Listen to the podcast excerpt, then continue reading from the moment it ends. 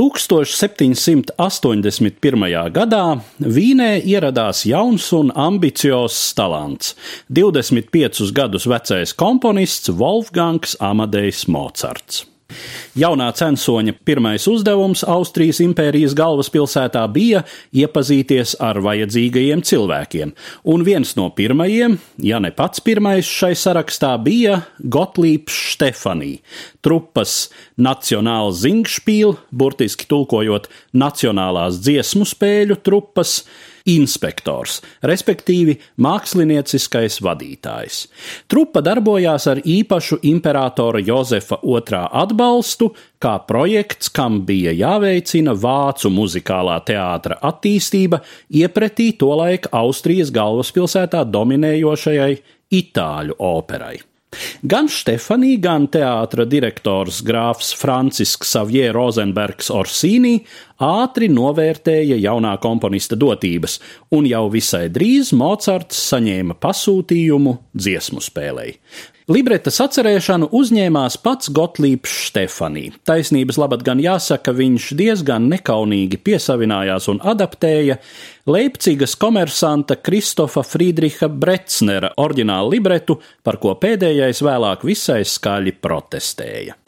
Bēgšana no Sēraja savu pirmizrādi piedzīvoja Vīnes pilsētas teātrī 1782. gada 16. jūlijā.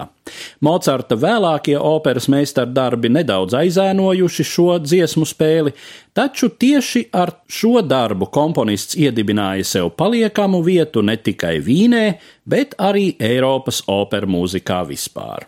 Cita starpā bēgšana no Seraja bija arī tas darbs, par kuru, kā vēsta hrestomātiskā anekdote, teātra patrons imperators Jozefs II esot teicis: Manām ausīm tas ir par smalku, tur ir tik daudz nošu.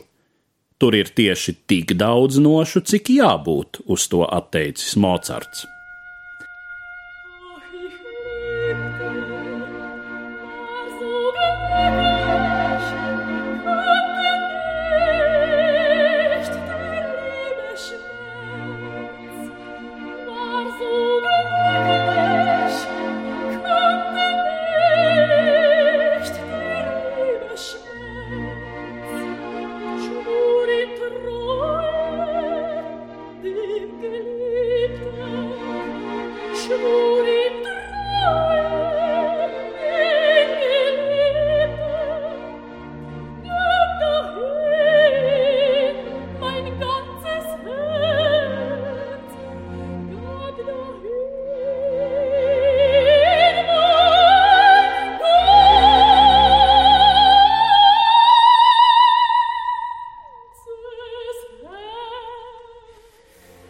Mocarta un Stefanijas sadarbība izrādījās auglīga lielā mērā arī tāpēc, ka libretists patiešām prata uztvert un iestrādāt dramatiskajā risinājumā komponista idejas.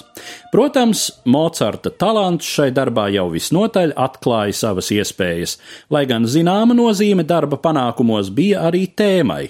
Vēl tikai simt gadus iepriekš Osmaņu turki pēdējo reizi bija aplenkuši vīni. Turcija joprojām arī 18. gadsimta beigās bija Austrijas galvenais pretinieks cīņā par Balkānu zemēm, un turku motīvi Mocarta operā droši vien vīniešiem šķita politiski pikants elements.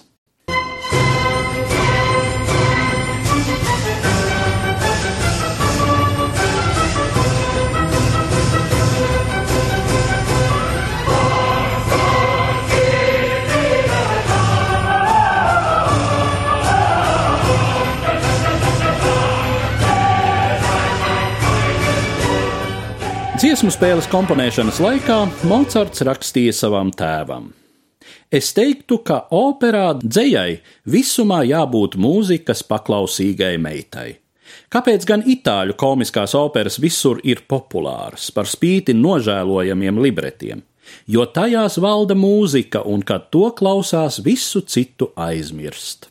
Vislabākais rezultāts ir tad, kad labs komponists, kurš saprot skatuvi, un ir pietiekami talantīgs, lai dotu pareizos norādījumus, sastopas spējīgu dzinieku, šo īsteno brīnumu.